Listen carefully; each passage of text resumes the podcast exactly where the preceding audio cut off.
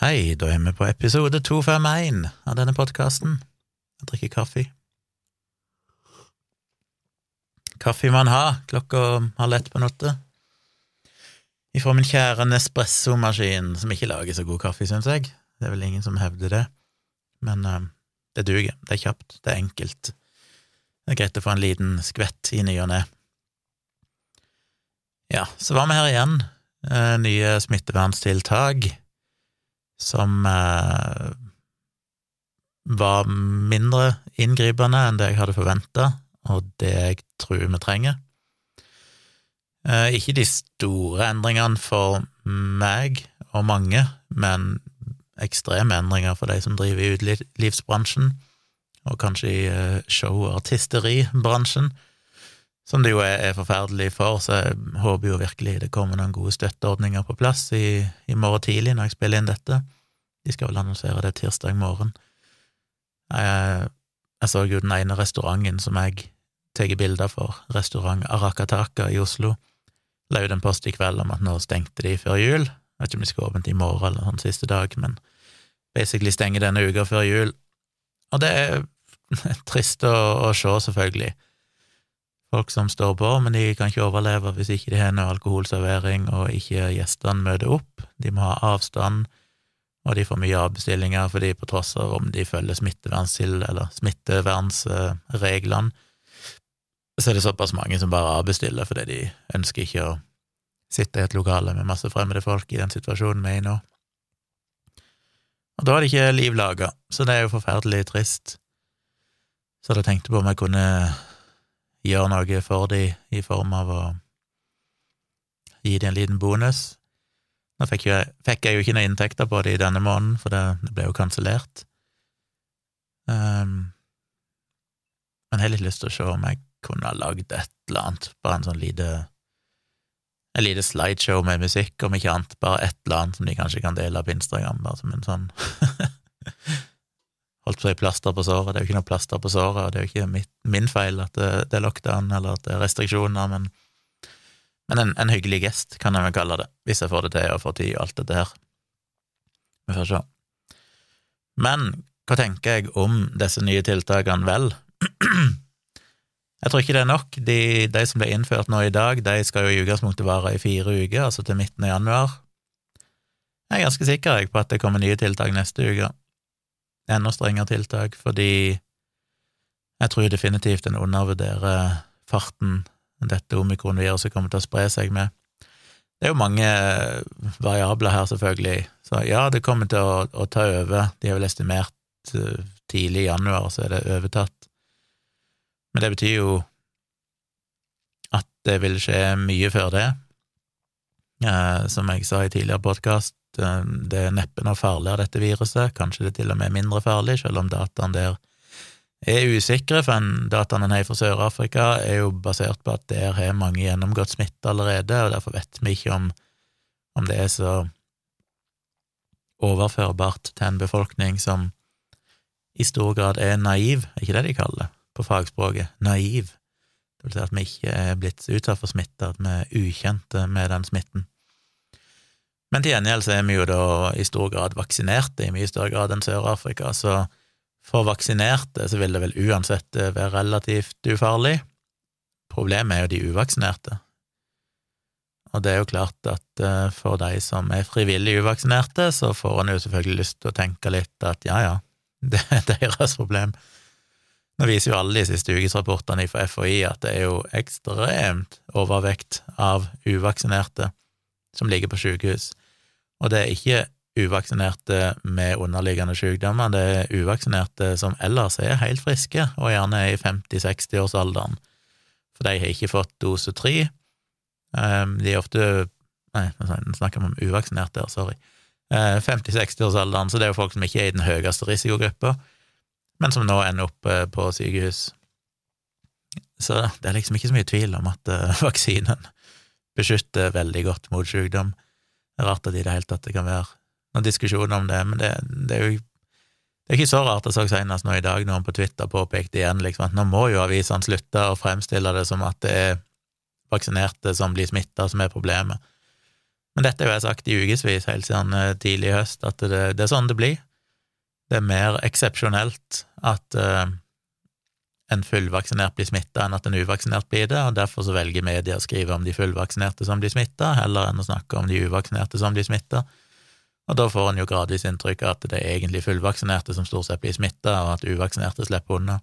Altså er jo selvfølgelig tallene helt motsatt i realiteten, men, eh, men, det er jo ikke så spennende. Det er litt den der man bites dog-greia. Hvis en hund biter en mann, så er det ikke noe å skrive om i avisen om. Men hvis en mann biter en hund, så er det plutselig en nyhetssak. Og sånn er det jo litt med, med smittegreiene nå, så vi blir jo veldig villeda sånn sett av, av media. Og det er jo ting jeg snakker om mange ganger, det er jo ikke det at de skriver noe som er feil, det er jo faktamessig korrekt, det de skriver. Problemet er jo inntrykket du får basert på eh, mengden som blir skrevet om de forskjellige sakene. Litt det samme som jeg snakker om mange ganger og skrev om i, i siste boken min, om dette med innvandring og hvordan negative saker Um, Dobbelt så ofte så nevner de landsbakgrunn til en person hvis det er en negativ sak. Hvis det er en, en, en med innvandrerbakgrunn som er involvert i noe positivt, så er det ikke så nøye, da er det bare en nordmann. Pluss at de er veldig underrepresenterte i media, de som har innvandrerbakgrunn. Så du får liksom stort sett lese de gangene det er noe negativt, men selvfølgelig så godt som alle folk med innvandrerbakgrunn er jo lovlydige og lever som alle andre her, men det leser en altfor lite om, og da får en jo et helt skjevt inntrykk. Og det er jo ikke fordi at de gangene de skriver om noe som er kriminelt knytta til noen med innvandringsbakgrunn, at det er feil eller løgn eller fake news. Det er jo sant, det er fakta. Men når de da ikke balanserer det opp med å gi et representativt utvalg av positive nyheter, så får vi feil inntrykk. Og det er jo det som fucker oss alltid med media. Det er sånn, De sier ikke noe som er direkte galt, men de sier ikke nok om det som er den andre sida av saken, og dermed så tror vi at virkeligheten er utgjøres av kun de negative sakene vi leser, eller de sakene der fullvaksinerte blir, blir smitta. Så det er veldig forvirrende for folk. Men eh, de harde tallene fra sykehusene er jo lyver ikke. Men jeg tror det må Jeg, jeg vet ikke, jeg, jeg kan godt ta feil, og jeg har tatt feil før, flere ganger, i denne pandemien. Min magefølelse er at uh, disse tiltakene her ikke holder veldig lenge. Jeg tror muligens neste, iallfall om to uker, jeg tror allerede før jul, så kommer det til å komme innstramminger. For en vil se at smittetallene går såpass mye opp, og går smittetallene nok opp, så vil det jo få et ras av uvaksinerte, og så vil du få noen fullvaksinerte, spesielt de da som ikke responderer godt på vaksinen. Folk med, med nedsatt immunforsvar, eller folk som er veldig gamle. Så du vil jo se det reflektert i innleggelse. Så den der eh, litt sånn positive holdninga som Støre har hatt med at disse tiltakene var i fire uker, og forhåpentligvis så kan vi lette på tiltakene igjen etter fire uker, det er sånn Jesus Christ, det kommer ikke til å skje eh, kommer enten til å bli strengere tiltak lenge før de fire ukene er gått, og etter de fire ukene så kommer det garantert ikke til å løse opp, for da kommer jo eh, Disse tiltakene vi har nå, er jo ikke nok til å bremse smitten. Kan jeg aldri tenke meg. Vi får se. Jeg er ikke så optimistisk. Og så er det jo en lidelse å se de her pressekonferansene. Eh, ikke fordi at eh, Støre og Stoltenberg og co. gjør en dårlig jobb, jeg syns de presenterer informasjonen godt, men det er denne her spørsmålsrunden etterpå med journalistene som er så smertefull, der alle journalistene kommer med veldig få unntak og stiller de mest selvinnlysende spørsmål, eller der svaret er selvinnlysende. Det er som at de vet jo egentlig svaret på det, men de må ha det sitatet, sånn at de kan si at eh, Støre sier til Dagbladet at selv om tre journalister har stilt det samme spørsmålet før de, men de må liksom òg ha fått det til seg, sånn at de kan skrive at de har fått denne uttalelsen direkte. Det er så vondt. Og så spør de om ting som er blitt besvart hundre ganger allerede i selve pressekonferansen, som er bare sånn Jesus, hvorfor må du spørre om dette, dette, kan, dette har du fått svar på allerede, slutt nå. Eller så er det spørsmål om ting som helt selvfølgelig ikke Støre eller noen andre kan svare på, som er bare sånn hypotetiske ting der de vil ha et de vil ha de til å si et eller annet som de kan ta tak i og lage en overskrift av, selv om det ikke er informativt i det hele tatt, for det er ikke basert på noen ting vi vet. Så det er, ja, det er deprimerende å se på. En annen ting jeg reagerte på i dag, er jo at Folkehelseinstituttet gikk ut med denne analysen som sa at alltid fra 90, eller i midten av januar, så kunne rundt 90 til 300 000 personer hver dag bli smitta, med da ganske mange innleggelser hver eneste dag. Tall som bare høres helt hinsides ut, ikke sant. Vi har jo nå snakka om vet ikke jeg om det var de registrerte smitta. Jeg vet ikke hvor store mørketall det er når vi nå snakker om at det er liksom over 5000 smitta. Regner en med å fange opp de fleste av de da? 80% 90% Eller regner en med at det er fryktelig mange som ikke blir fanget opp? Jeg vil jo anta det, så de reelle smittetallene vet jeg ikke. Så når de sier 90 til 300 000, så vet ikke jeg om de da mener om det skal være direkte sammenlignbart med de 5000, eller om, om, det vil være alle, liksom, men at det langt fra så mange vil ende opp registrert, det vet jeg ikke. Men uansett så er det jo enorme tall. Og jeg skjønner ikke hvorfor de går ut med de tallene, for de kommer ikke til å være realistiske. De er jo basert egentlig på at du ikke har noen restriksjoner, og at egentlig ikke folk er vaksinert. Så vil en ha sett de tallene. Men hvorfor går de ut med de, når det er ikke den verden vi lever i? Eh, det virker som at poenget med det var å skremme folk litt og vise at ja, der ser dere, så, så smittsomt er dette viruset, og så galt kan det gå. Problemet er at du kommer til å få en sånn 2009-fadese igjen, da myndighetene gikk ut og sa at de estimerte at 30 000 kom til å dø av, av svineinfluensa, som heller ikke var basert på noen ting som hadde med svineinfluensa å gjøre, det var basert på en modellering gjort på fugleinfluensa i en pandemiplan som var utarbeidet før pandemien, før en i det hele tatt hadde hørt om noe svineinfluensa. Det var altså helt, det hadde ingenting med virkeligheten å gjøre, og de uttrykte jo der òg at det var liksom worst case, og det var ikke veldig sannsynlig, men selvfølgelig så biter jo da eh, journalistene tak i det og, og fremmer det som at dette er det offisielle standpunktet. Og det er det jo gjort igjen nå. Blir fremstilt i overskrifter som at opptil 300 000 daglig kan bli smitta, og det kommer jo aldri til å skje. Og så så kommer jo da vaksinemotstandere og covid-fornektere til å bruke det imot de i all ettertid og si at å, det er kult med skremsel, og dette er et ledd i å kue folket, og Jeg skjønner virkelig ikke hvorfor de gjenger ut med de tallene. De har jo ingen informativ effekt, og det vil kun kunne brukes mot de i ettertid. Nå var de heldigvis ganske så tydelige på at disse tallene neppe være realistiske, og de var veldig usikre, men Støre sa jo rett ut at men det kunne skje. Altså, nei, det kan det egentlig ikke, altså. Det, da skal det skje veldig mye rart i denne verden. Så det, det skjønner jeg slett ikke poenget med. Problemet med pandemi og nye restriksjoner er ikke så mye for Altså, for min del så har det lite å si, egentlig. Jeg har jo hatt hjemmekontor nå siden mars i fjor. Livet mitt har vært ganske likt. Eh, som dere vet, jeg er ikke så veldig sosial uansett. Det er stort sett meg og Tone som er her. Så det er ikke de store ikke de store effektene på mitt liv. Det har, som jeg nevnte, selvfølgelig store effekter på andre sitt liv, avhengig av hvilket yrke de har, og hva de lever av. Det har selvfølgelig litt effekter på mitt liv, i den forstand at jeg hadde lyst til å, å få litt gang på den fotovirksomheten min. Det blir jo vanskelig nå, hvis eh, restauranter holder stengt uh, i lang tid. Men det er nå sånn sett uh, Ja, det, det, er kjipt, men, men, det er ikke verdens undergang. Så for min del er det ikke så grusomt. Det jeg syns er verst med det, er bare at det er vanskelig å planlegge. Det er den usikkerheten. Hva kan du forvente? Case in point, vi skulle jo ha mine foreldre her på julaften. Min far, som er 81, blir 82 i april. Min mor, som er 63, er jo vel? Nei, 73, mener jeg selvfølgelig. Så de er oppe i årene, spesielt pappa da, er jo oppe i den virkelig sånn risikogruppa med tanke på covid-19. Begge to har fått eh, tredje dose, og det er jo bra.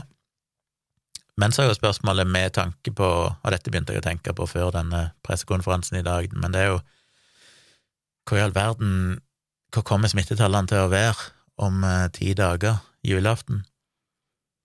Jeg tipper de kommer til å være temmelig høye. Jeg er jo spent, når vi har sett 5000, stort sett, litt over 5000 i det siste. Uh, nå må jeg se, har det kommet Har smittetallene for i dag kommet? Hva er de? 4864, så det er ikke noen ny rekord. Men jeg lurer på når Nå er det over 1000 omikron-tilfeller i Norge. Jeg er jo spent på, hvis vi tenker eksponentiell vekst, og i Danmark så har en sett en dobling ca. hver andre dag, så er det jo ikke veldig lenge før vi er oppe i sikkert 10 000 om dagen.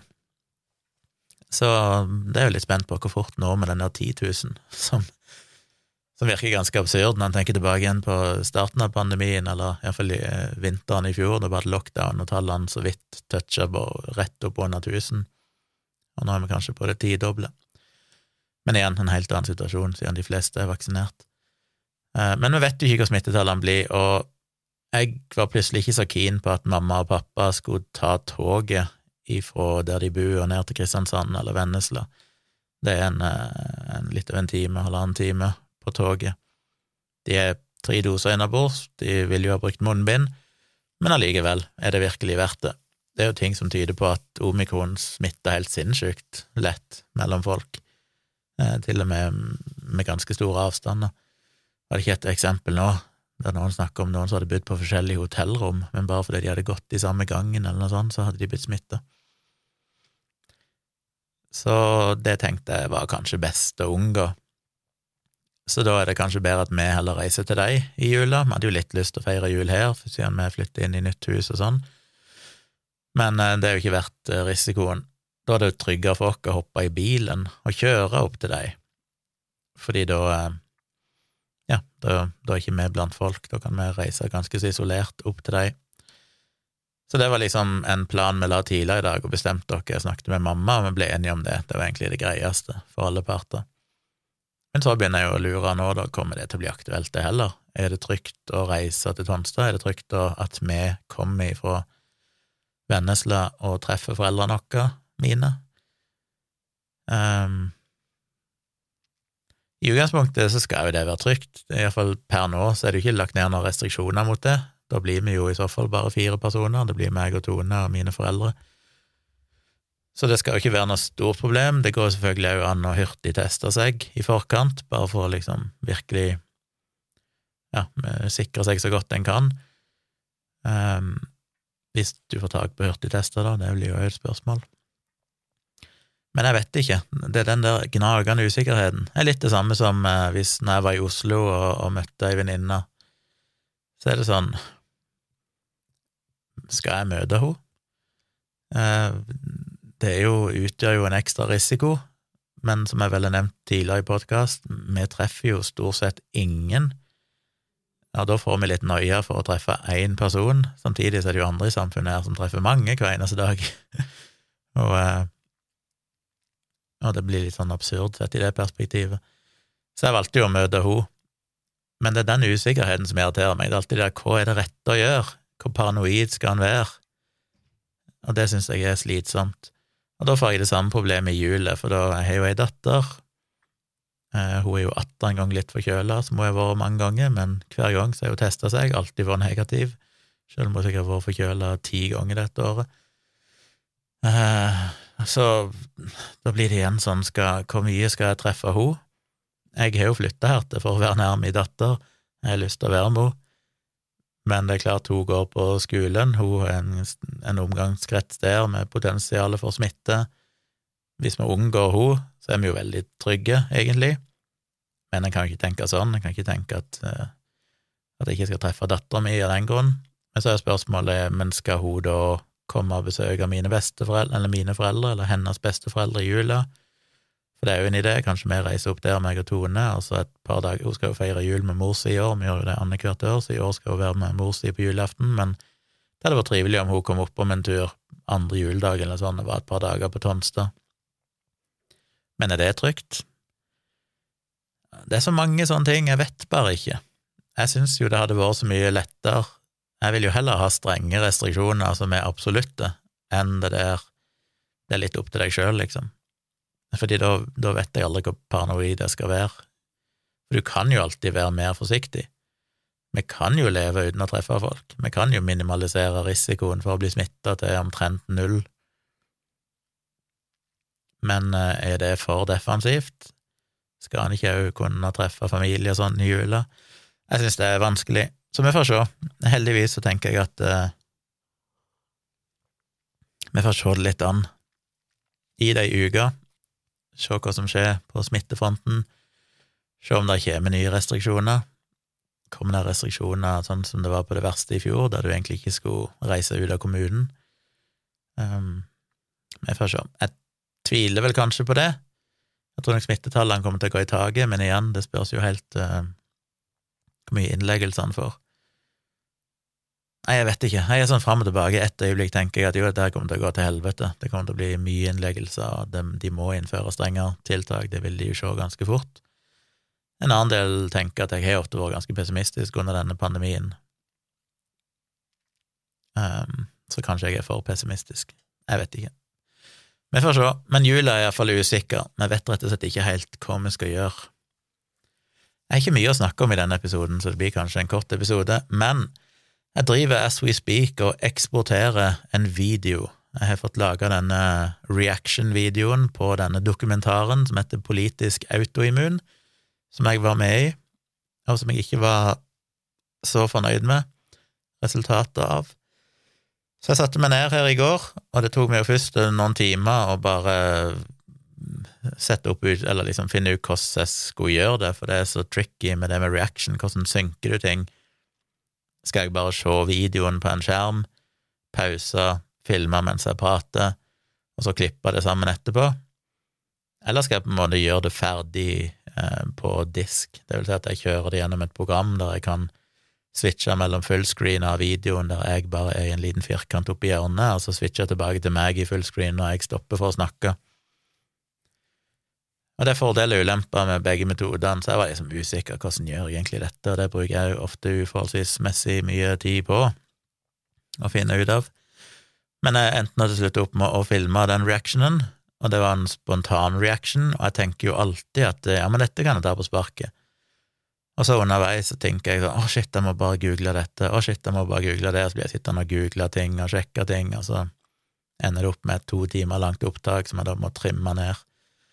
Så den endelige videoen nå er vel på 50 minutter, omtrent 45-50 minutter. Og det føles lenge, den opprinnelige dokumentaren er jo 23 minutter, og jeg har jo bare noen veldig korte klipp ifra den, jeg kan ikke gjengi for mye av den med tanke på copyright og og sånn, så jeg prøver jo å holde meg innenfor sitatretten, det med at jeg kan ha med klipp som jeg kommenterer, så lenge det ikke er mer enn jeg absolutt må.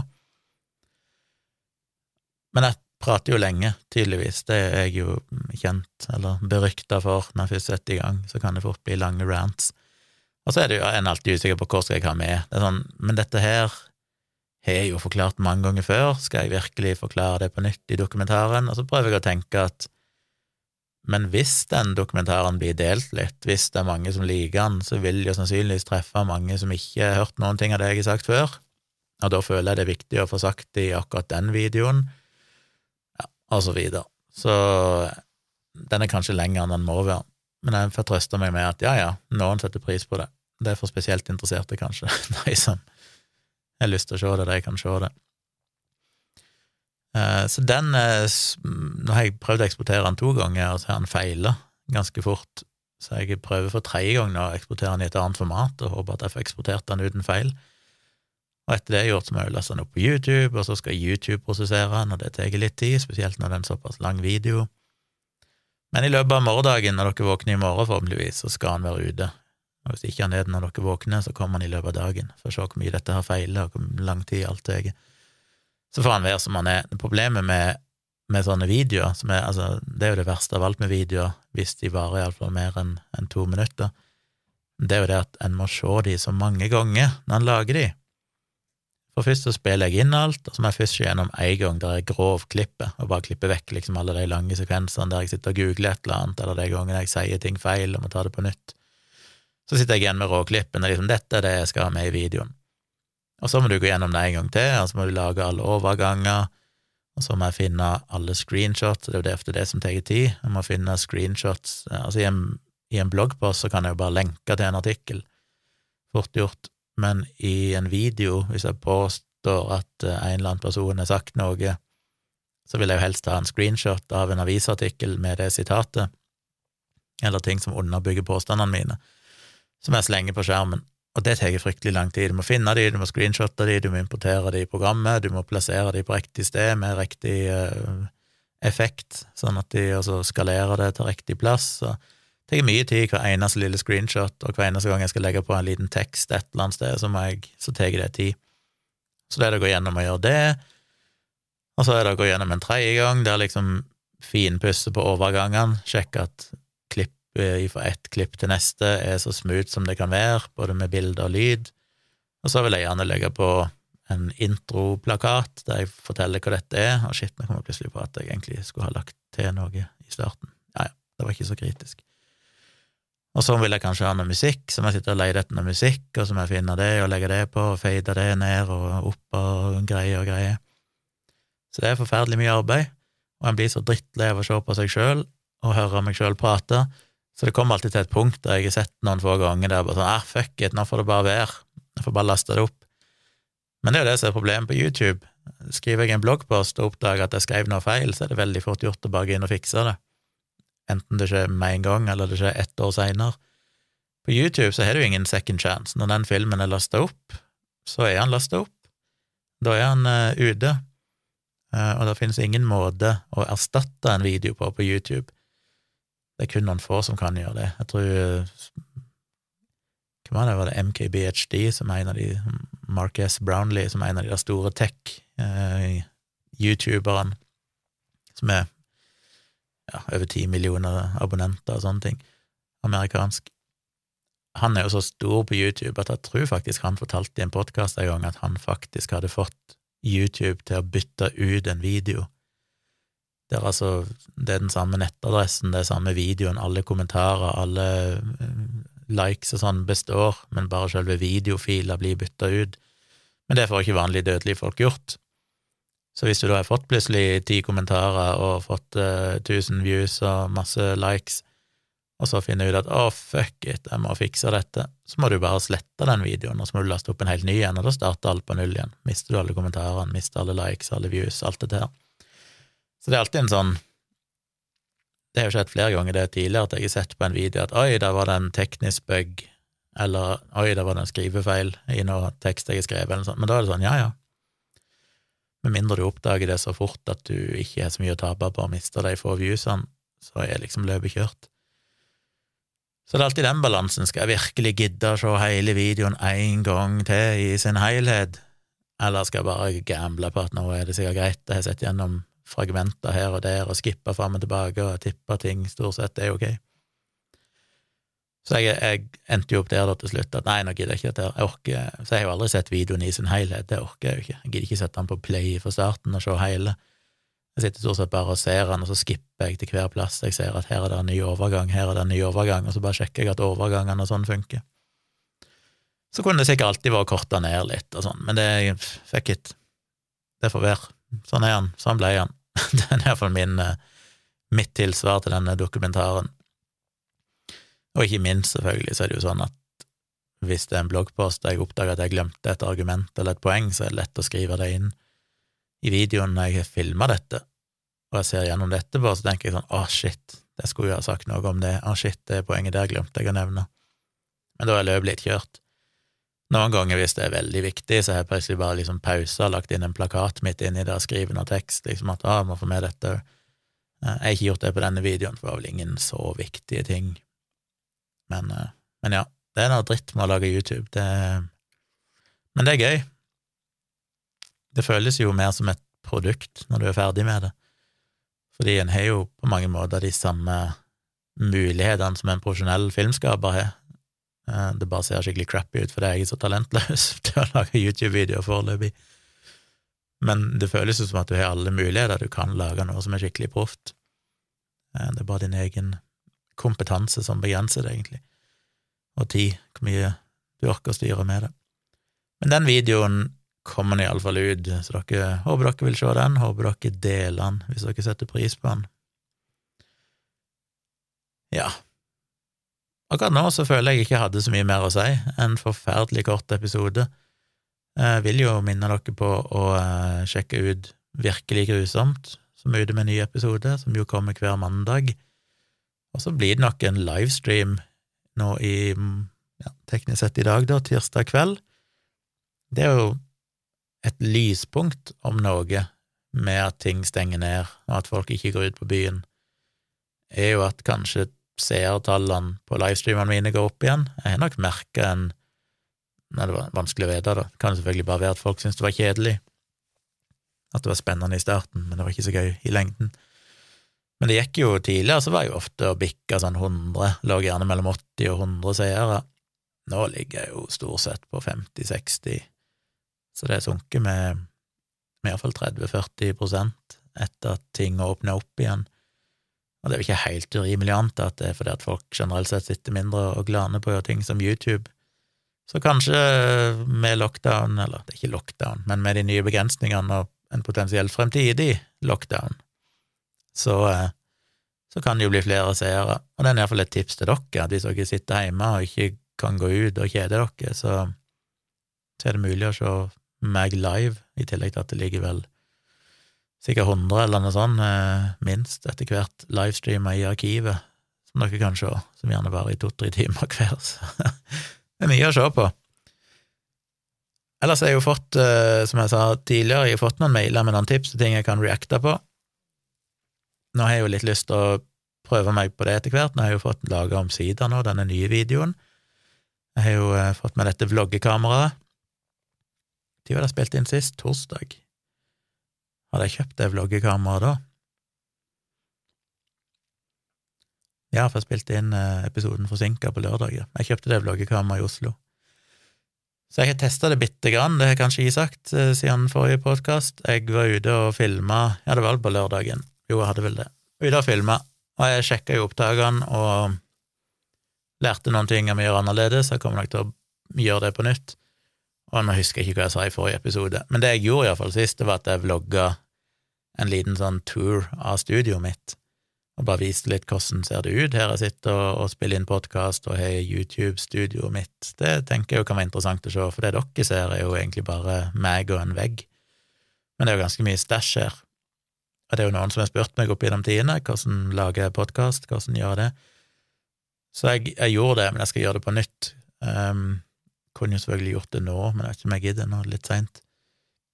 Men jeg tenkte hvis jeg får ut den videoen nå i dag, eller i natt, eller senest i morgen, så skal jeg prøve å vlogge i morgen. Og der er jo Tone oppdaga jo at de har julegade, julegade her på Vennesla. Eh, de har julegade her i Vennesla, og det tenkte kanskje meg og Tone at vi burde ha vært ute og og filme litt. Det er jo sånn som kan være koselig å bruke i en vlogg.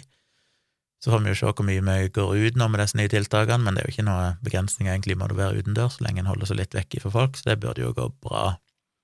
Så det kan jo være et insentiv til å, å vlogge. Ellers så har jeg jo tatt kontakt angående denne her varmepumpeprosjektet mitt. Som jeg vel nevnte en gang, så var jeg inne på noe sånn varmepumper.no eller et eller annet, en av de tusen sidene som har et eller annet med varmepumpe i domenet sitt. Alle spekulerer tydeligvis i at folk skal prøve å finne varmepumpe. Eh, og det var sånn, eh, registrer deg her, så sender vi kontaktinformasjonen din til leverandører i området, og så vil de sende deg pristilbud. Jeg gjorde det. Jeg hørte ingenting. Gått over ei uke, ikke hørt et knust ifra noen, så jeg eh, frykter vel at det er basically en spam, nei, en, en eh, scam-site som bare skal sanke inn informasjonen min. Jeg har jo ikke noe sånn Ikke at jeg har vekk bankkonto eller personnummer, men eh, de fikk jo adressen min og e-postadressen, så kanskje det, det, er kun det de driver med, for alt jeg vet. Hørte iallfall aldri noe mer.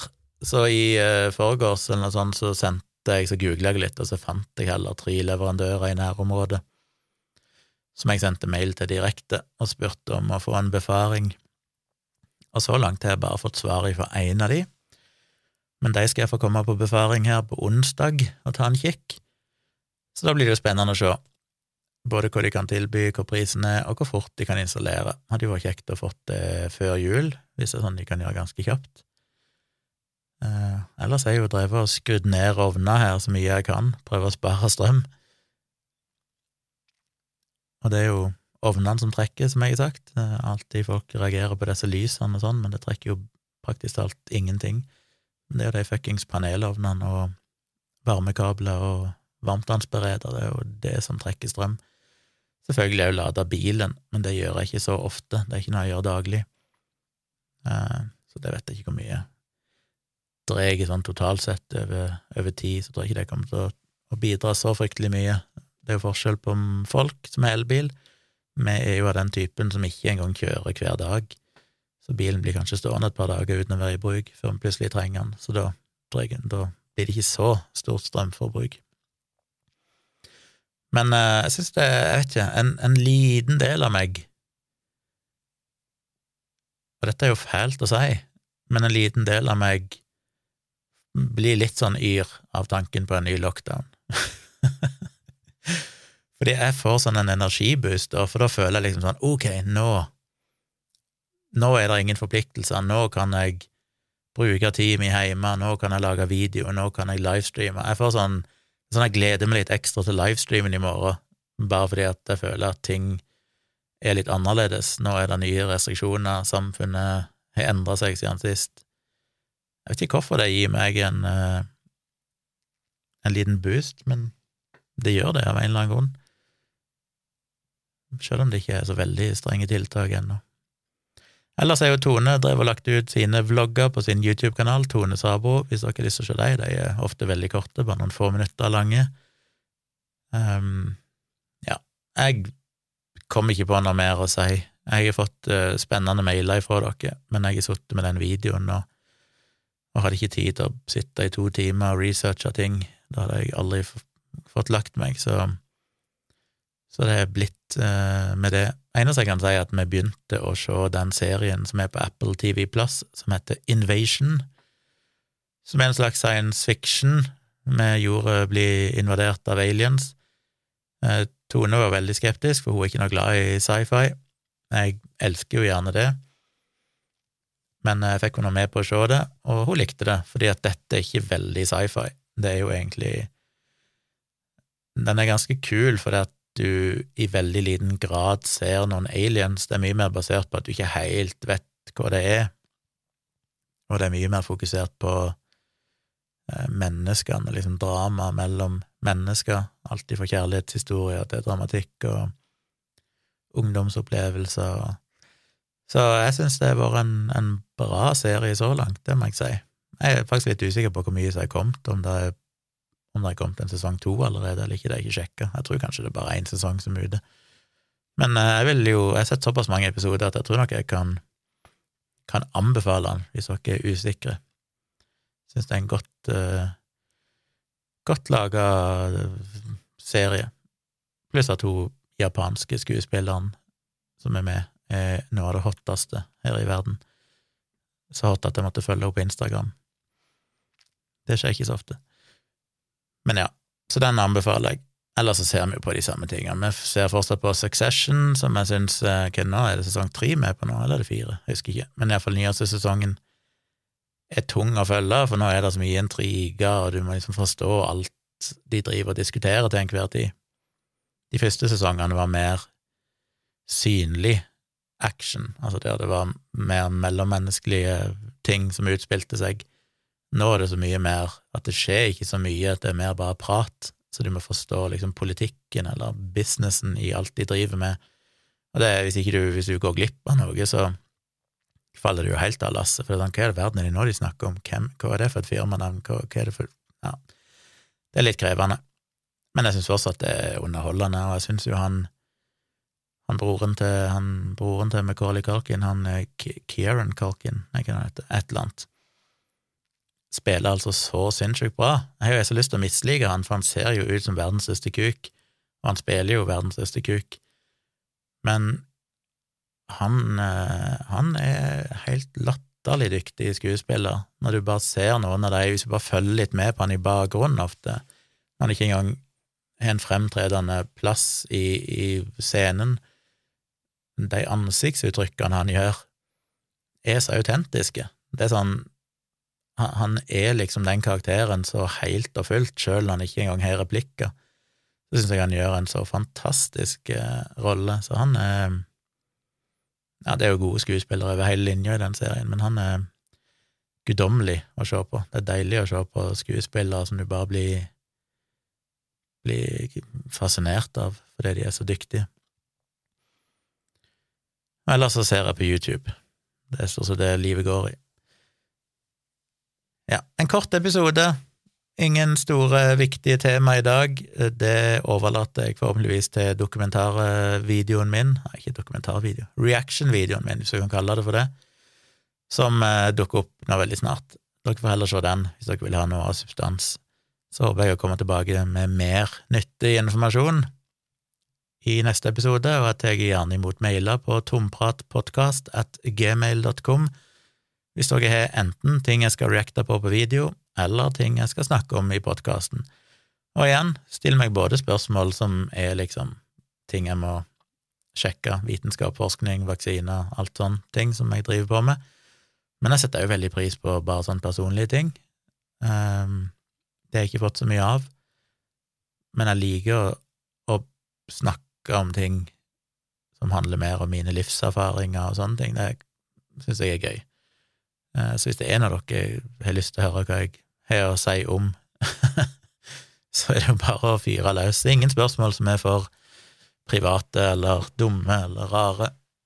Er de for private, så snakker jeg ikke om de, så det er jo greit. Den sensureringa gjør jeg sjøl, men det skader ikke å spørre. Så fyr løs med mail til tompratpodkast at gmail.com. Tror det var alt. Sorry, folkens, for denne episoden, men sånn ble det akkurat i dag. Eh, så kommer mm, tilbake igjen med livestream tirsdag kveld, altså i kveld, 14. desember, klokka 11, inne på Tvilsomt med Tjomli YouTube-kanal, og òg på Facebook og sånne ting. Og så er jeg jo tilbake med en ny episode av denne podkasten på fredag. Ja, det tror jeg får holde for i dag. Takk for at du hørte på. Vi høres igjen snart.